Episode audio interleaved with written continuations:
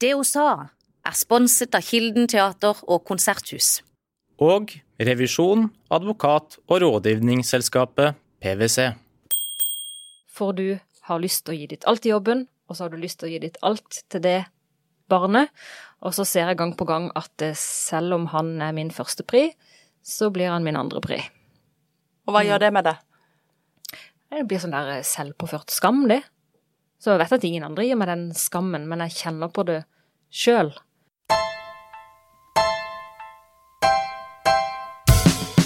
Julie Strømsvåg, velkommen til det hun sa. Hjertelig tusen takk. Sammen med meg her i studio så sitter Monica Birkeland. Hei. Hei, hei. Og så må jeg jo presentere meg sjøl, Birgitte Klekken. Vi har for anledningen tatt turen til Oslo. Vi har lånt et podkaststudio i det som heter Pressens hus. Og så har vi fått besøk fra Kristiansand.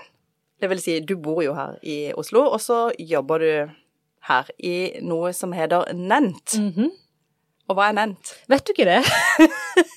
jeg skjønner det. Det er veldig forvirrende for folk med Discovery og Nent og eh, TV Norge og TV3 og hva jeg var. Nent står da for Nordic Entertainment Group.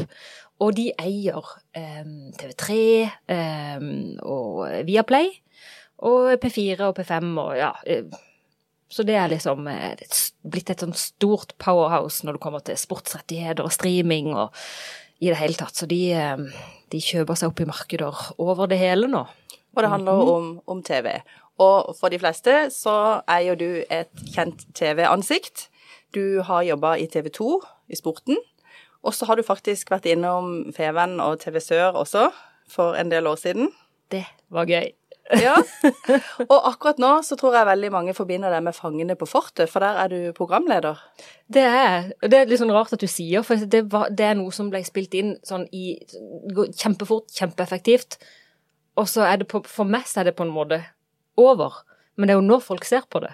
Ja, får du mange kommentarer fra folk på gata, f.eks., som kjenner Nei, deg igjen? Nei, det gjør jeg ikke. Men alle jeg har prata med, sånn før også dette her eh, kom på lufta, da, så nå har jeg sagt at eh, ja, Fangene på fortet, det, det var jeg med på nå. Så ja, gud og kult. Det gleder jeg meg til. Det er så mange som har sånn nostalgiske minner fra dette merkelige programmet som gikk eh, Det var jo på 90-tallet egentlig at det hadde sin storhetstid, før det gjorde et lite comeback sånn rundt 12-13. Så det, det, sånn, blir sånn familieprogram som funker for mange. Ja, jeg så det samme barna mine i, i går, og de syntes det var veldig gøy. Men, men, du har rett i det, det er jo et litt sånn merkelig konsept, egentlig. Og for de som ikke kjenner det, kan du ikke kjapt bare eh, ta oss med i hva som er greia, liksom, med fangene på fortet? Det er et fort som eh, ligger utenfor kysten av eh, Frankrike, Biscayabukta, der um det var Napoleons fort i hine hårde dager, og der har altså et fransk produksjonsselskap gått inn. 100 mann jobber der og tilbyr da eh, muligheten til eh, TV-selskaper fra hele verden å komme inn og spille, spille inn Fangene på fortet. Og da har du Passparti og Passpartout, vet du, eh, som da eh, viser oss rundt i, på diverse eh, sjuke og utfordrende oppgaver. Det er jo humor. Eh, jeg husker liksom fra 90-tallet da. Da var det litt sånn mystisk, og det var litt sånn skumle krypdyr, og det var tigre. Det holder en ikke på med lenger. Eh, dyrs rettigheter er jo for så vidt eh, enig i det. Så det er sånn konkurransefokusert, og som skal utfordre eh, hvis en har høydeskrekk og vannskrekk og hive seg utfor eh, ja. Men det er litt annerledes enn sportssendinger. det er det. det er Hvordan har det vært å jobbe med det i forhold til det du har gjort i sportens uh, verden? Um, det er jo ikke på en måte en tilværelse eller en tilstand en, en ei. Du, du flys inn, og så gjør du eh, åtte programmer i løpet av tre dager og løper rundt på et fort eh, tolv timer til dagen og blir eh, jaga rundt av eh, franskmenn som har lyst til å få unna dette så fort som mulig. Og så er det 48 kjendiser som er innom da i løpet av disse eh, dagene. Så eh, der og da så um, er det litt vanskelig å, å på en måte uh, være til stede og, og se de, de, store opplevelsene som mange av disse deltakerne har. Men i ettertid så har jeg sittet og fått nesten sånn latterkick for meg sjøl Og bare kom på ja, pokker, det skjedde. Det var sjukt. Så jeg vil jo si å jobbe med sport sånn til daglig, da, um, da er en jo litt mer til stede og har med seg liksom mye følelser i, i uh, det som disse idrettsutøverne oppnår, og mye forhåpninger og mye Ikke sant. Det er ekstremt mye engasjement i sporten. Å reise ut på, på et fort i noen dager, det var vel egentlig mer sånn kuriosa, da.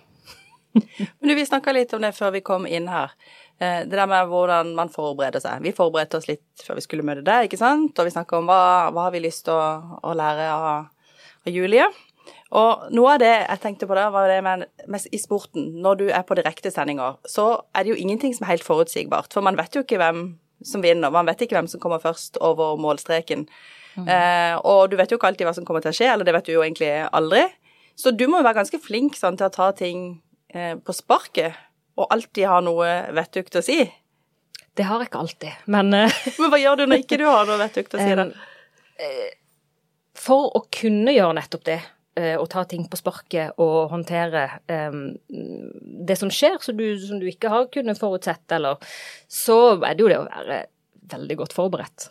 egentlig også for å føle seg såpass trygg og ha en plattform å stå på som gjør at det føles mindre skummelt da å bevege seg utfor Eh, et manus, eller å måtte agere på, på, noe som du ikke visste kom til å skje, da. Så, så, det er jo på en måte en sånn uendelig mengde med forberedelse der du aldri kommer helt i mål, der du alltid føler at har jeg fått med meg alt, har jeg kontroll på alt? Det kan du jo ikke. Så det, det viktigste er at du har en følelse av at, eh, at eh, du har god nok kontroll til å kunne ta ting på sparket, da. Men av og til så vil sikkert intervjuobjektene dine ikke være liksom helt på humør. kanskje har det ikke gått så bra, mm. eller kanskje har de bare ikke lyst til å bli intervjua der og da, eller kanskje får de helt jernteppe. Har du da noen sånne eh, verktøy som du bruker som du kan hente frem for å redde situasjonen? Nei, det er ikke noen verktøy, men jeg tror egentlig bare å, å, være, å være, et menneske som lytter og ser, og, og um, prøver å stille deg litt inn på den personen du snakker med sitt. Der de er, da.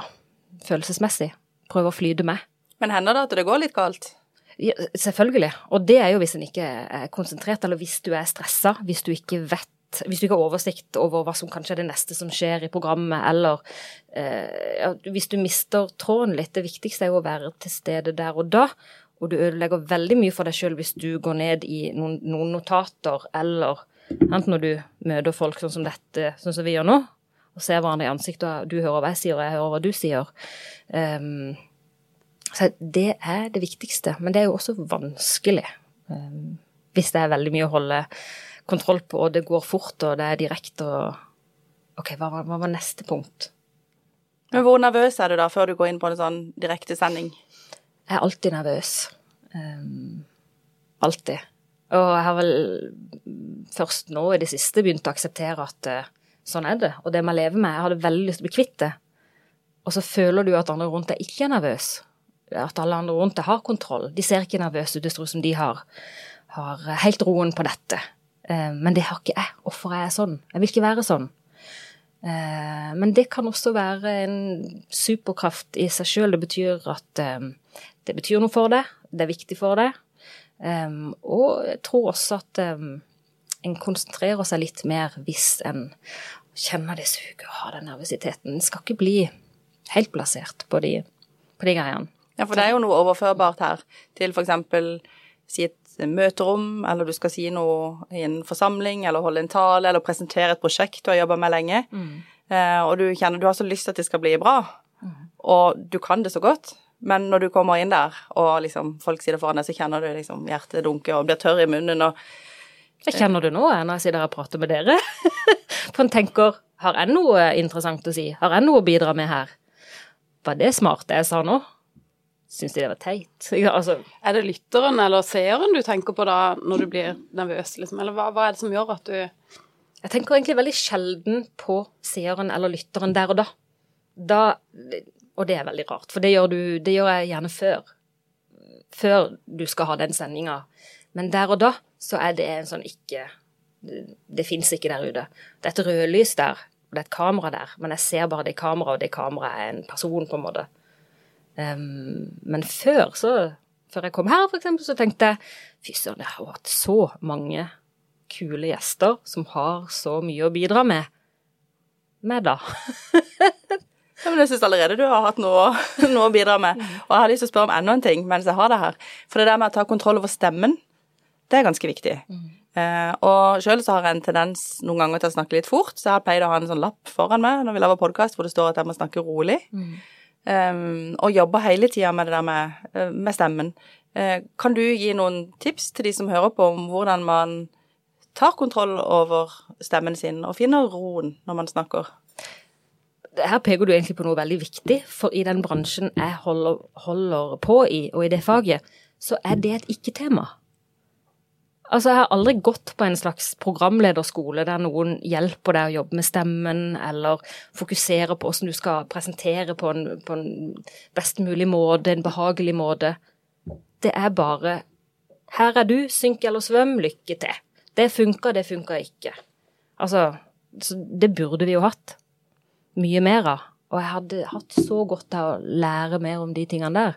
Så jeg har ingen svar til det, egentlig, for jeg har bare gjort, gjort det på, på den måten som kom for meg.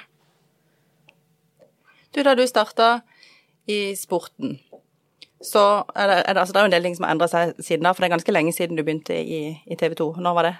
Det var i Jeg begynte i 2008, men i 2007 så gjorde jeg mitt første oppdrag for det. Da, da, var det jo en ganske mannsdominert bransje, og det er jo eh, til dels det fremdeles. Eh, så har vi jo noen sånn som står ut, sånn som hun Karen Marie Ellefsen, ikke sant. Det er jo noen sånne skikkelig power ladies der som har markert seg i sporten, men fremdeles så er det en overvekt av menn. Eh, hvordan var det for deg å komme sånn relativt uerfaren inn og skulle dekke sport? Mye med menn og for menn. Mm. Um, det, det, er noe som jeg egentlig ikke begynte å reflektere så veldig mye over før for ikke så veldig mange år siden, da. Um, for, for um, Kom inn der og bare aksepterte at sånn er det her, og sånn må jeg bli.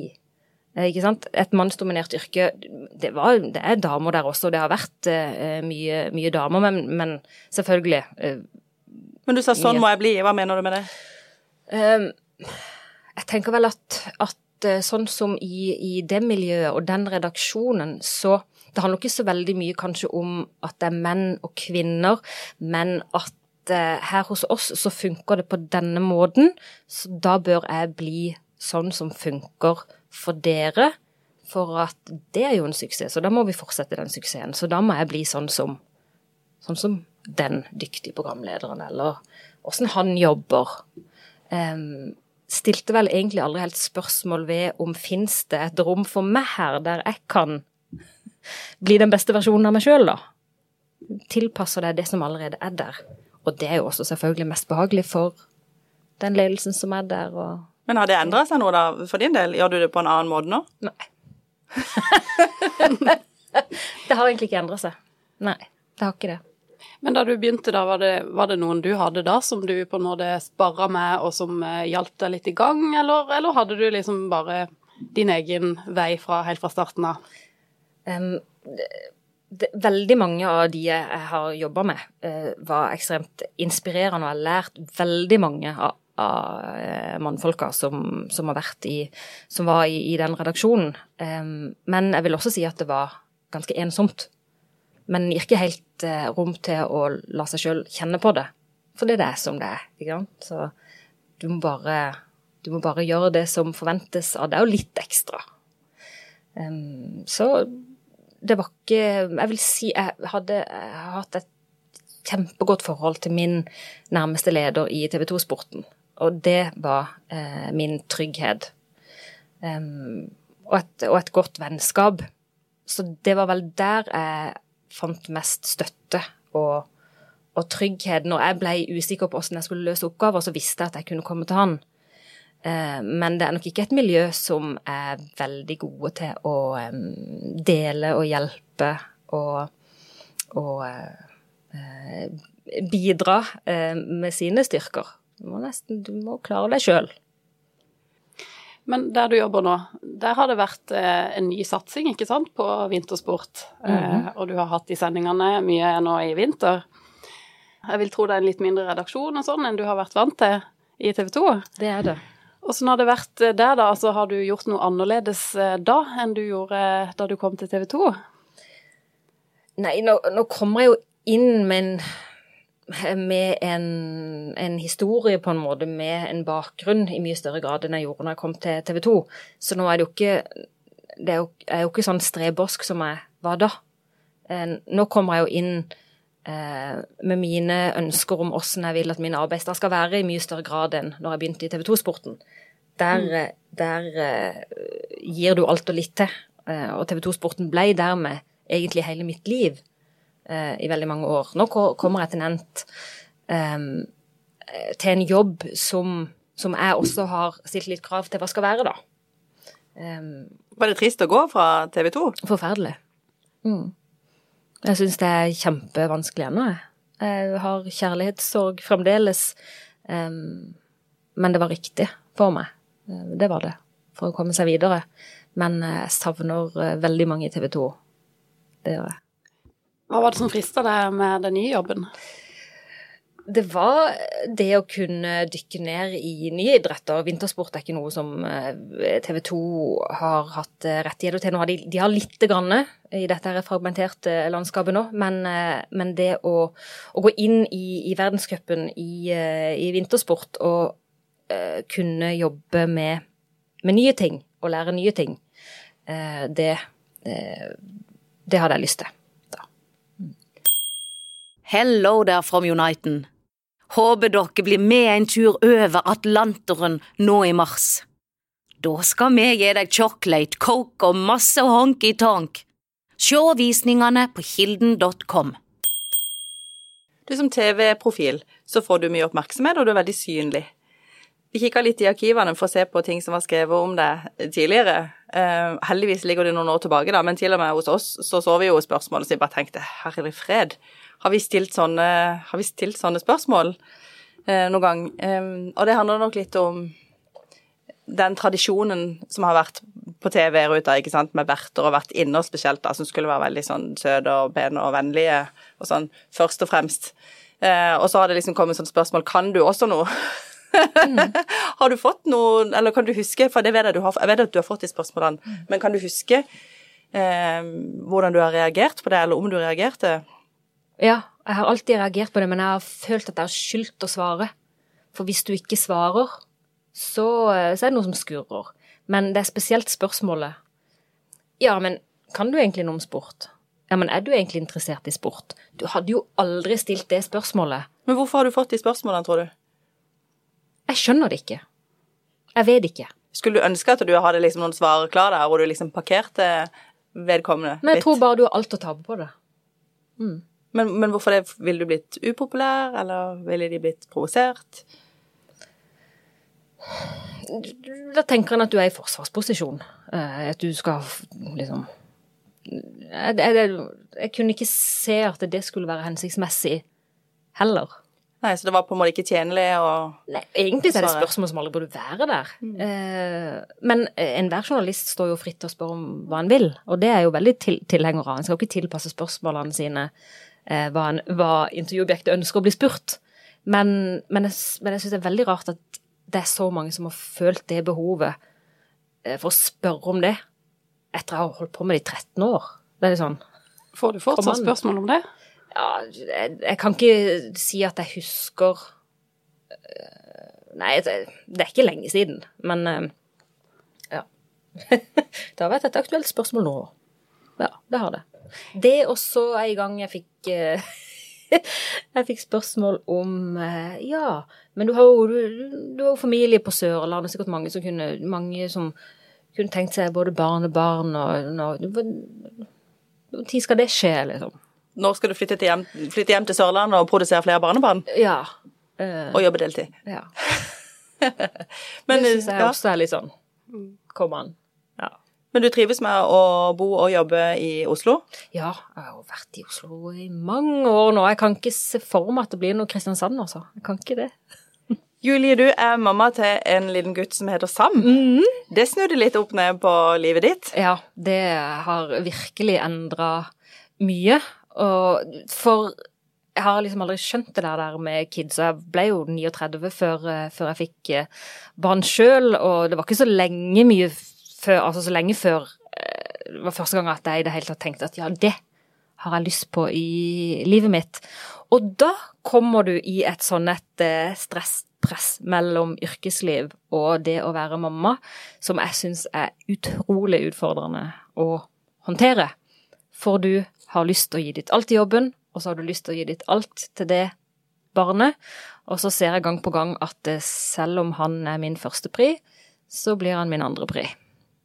Og hva gjør det med det? Det blir sånn der selvpåført skam, det. Så jeg vet at ingen andre gir meg den skammen, men jeg kjenner på det sjøl. At jeg velger vekk det som betyr mest for meg. Og nå prøver jeg å finne litt ut av åssen kan jeg navigere dette best mulig, og jobbe på en måte som gjør at, at jeg har nok å gi hjemme også, da. Mm. Men når du jobber med sport, da blir det vel en del reising? Det er ikke så mye reising på meg nå. Jeg er blitt sånn studiodyr, så jeg sitter jo i bunkersen eh, og har eh, sendinger Men det er helgene. Så da begynner jeg fort på jobb halv syv-syv på morgenen, og så er jeg hjemme syv-åtte-syv på kvelden, kanskje. Lørdag og søndag, ikke sant. Så det, det er jo ikke sånn ideelt å kombinere med en liten gutt. Men er du overraska over at du kjenner det sånn? Ja, Um, jeg hadde liksom håpet litt på det. Det er jo mange som forteller at uh, når de får barn, så er det som et lys som går opp for deg, og du får et helt nytt perspektiv på livet. Og jeg vil ikke si at det har skjedd, jeg føler meg som akkurat den samme meg. Uh, men jeg skjønner veldig godt uh, det der å, å, å klare å, å, få til ting på flere arenaer samtidig. Det blir jo aldri godt nok. Så å være mamma å være dyktig i jobben sin.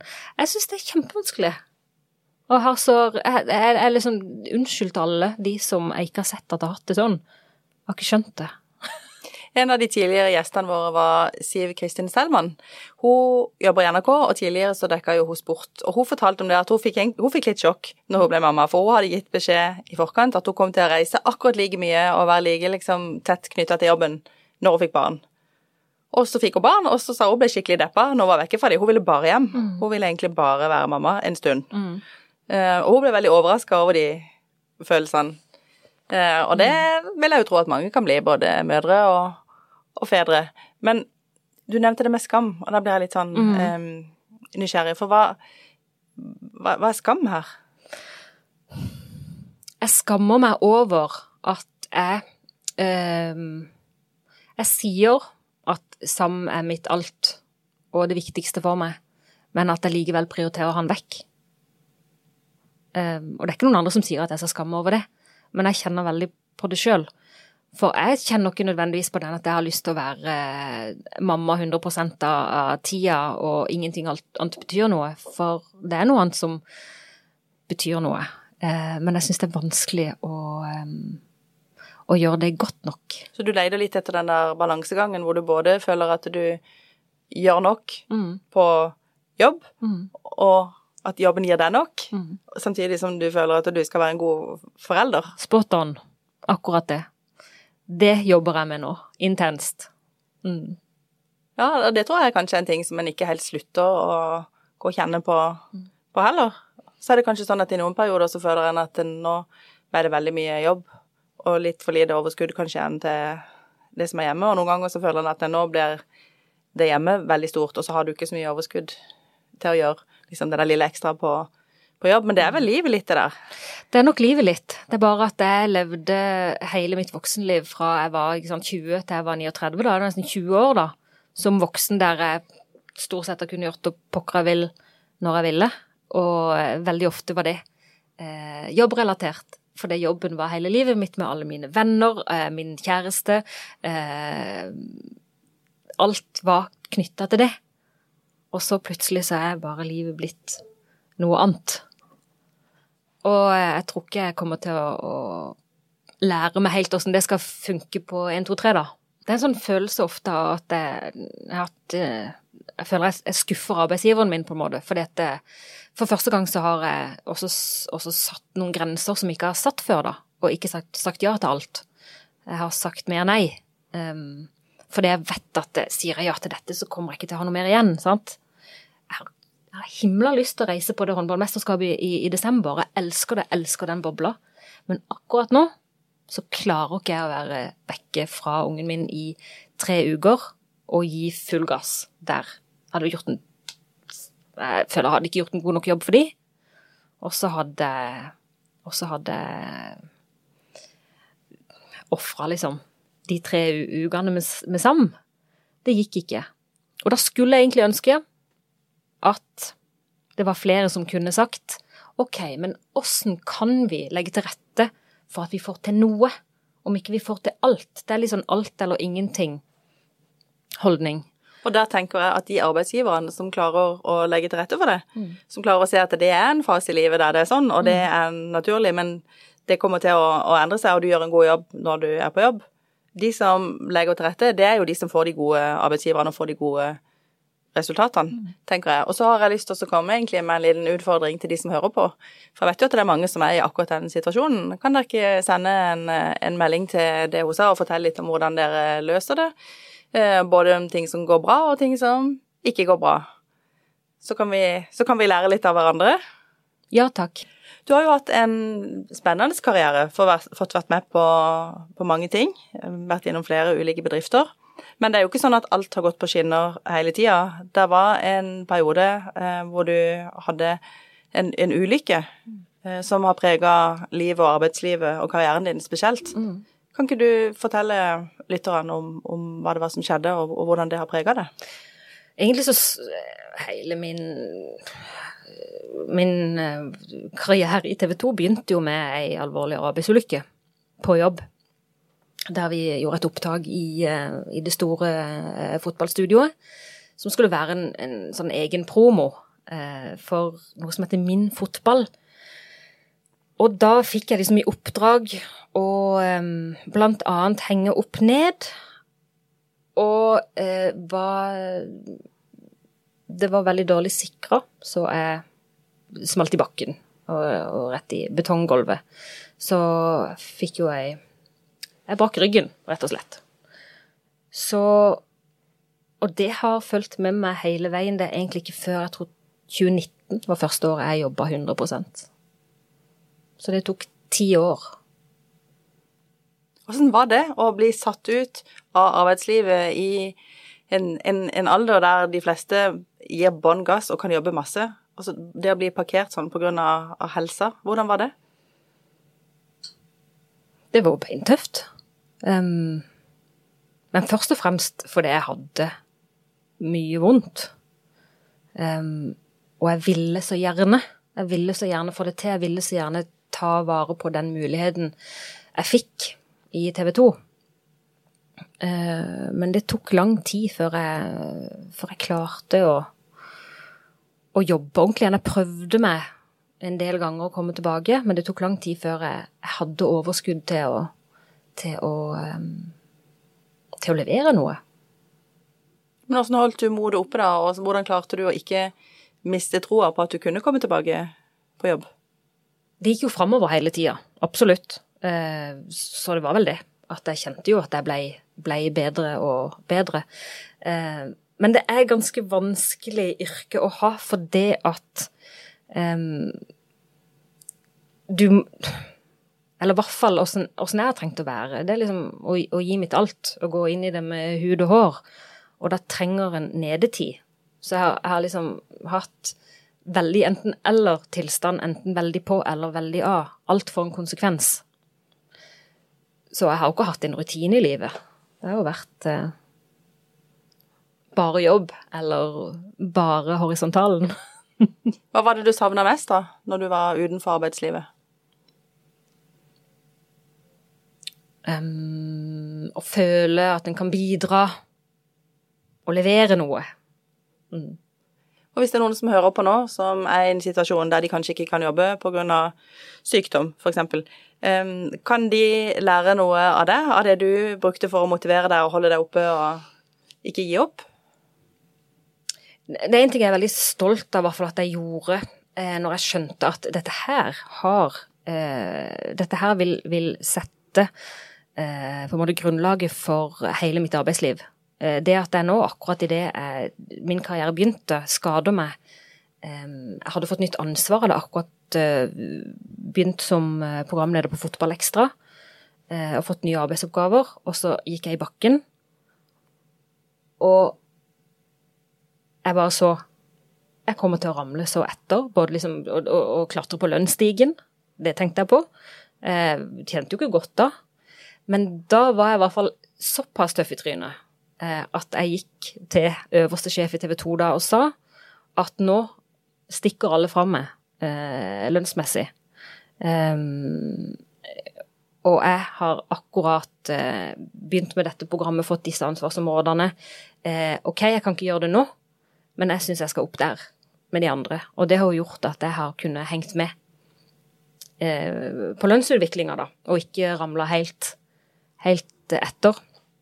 Så um, og, og, prøvde i hvert fall å være ærlig inn mot eh, mine ledere om eh, hva jeg kunne få til, og åssen en kunne legge til rette for meg, sånn at jeg fikk gjort litt jobb og holde meg varm. Så tørre å være litt tøff i trynet, da. Ja.